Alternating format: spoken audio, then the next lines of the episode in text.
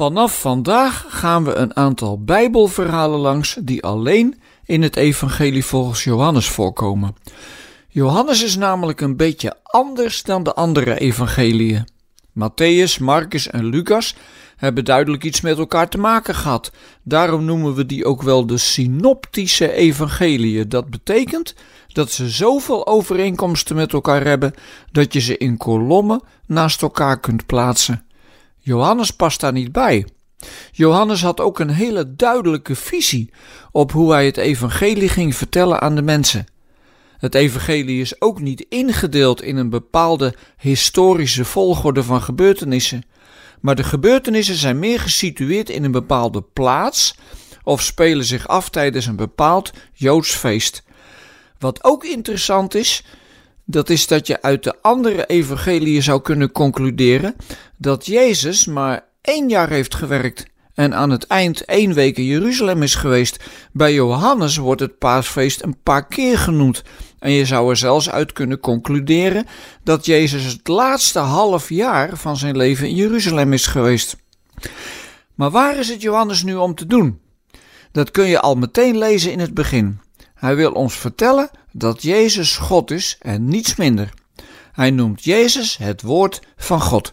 Dat betekent dus dat hij altijd met gezag sprak en dat zijn woorden die van God waren.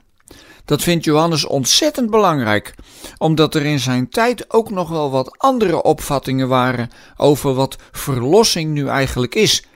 Wij denken daarbij altijd aan bevrijding van onze zonden. Maar er waren ook stromingen die beweerden dat het erom ging dat de geest, de ziel uit het lichaam moest worden bevrijd. Nee, zegt Johannes, alleen Jezus bevrijdt ons. Je zou je wel af kunnen vragen welke woorden wij dan zoal spreken als Jezus het woord van God was. Klinkt dat in onze woorden ook door? Of is het vaak zo dat wij eerst op ons gezicht moeten gaan voordat wij met onze mond vol tanden staan en God eindelijk zijn woorden in onze mond kan leggen? Zou het niet veel mooier zijn als God zijn woorden al door ons heen kan spreken als we zelf nog niks verzonnen hebben? We weten het vaak zo goed. Er zijn medechristenen die werkelijk voor alles een verklaring hebben, die precies weten waarom het zo loopt in de wereld als het gaat. Ik vind dat een beetje moeilijk. Als iemand een ernstige ziekte krijgt, heb ik daar geen woorden voor hoor, en al helemaal geen verklaring. Welke woorden spreken we?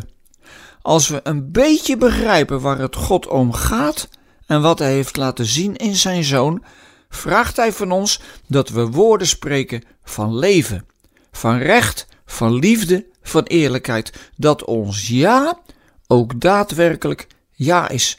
Dat we woorden spreken die echt zijn, waar je op kunt rekenen.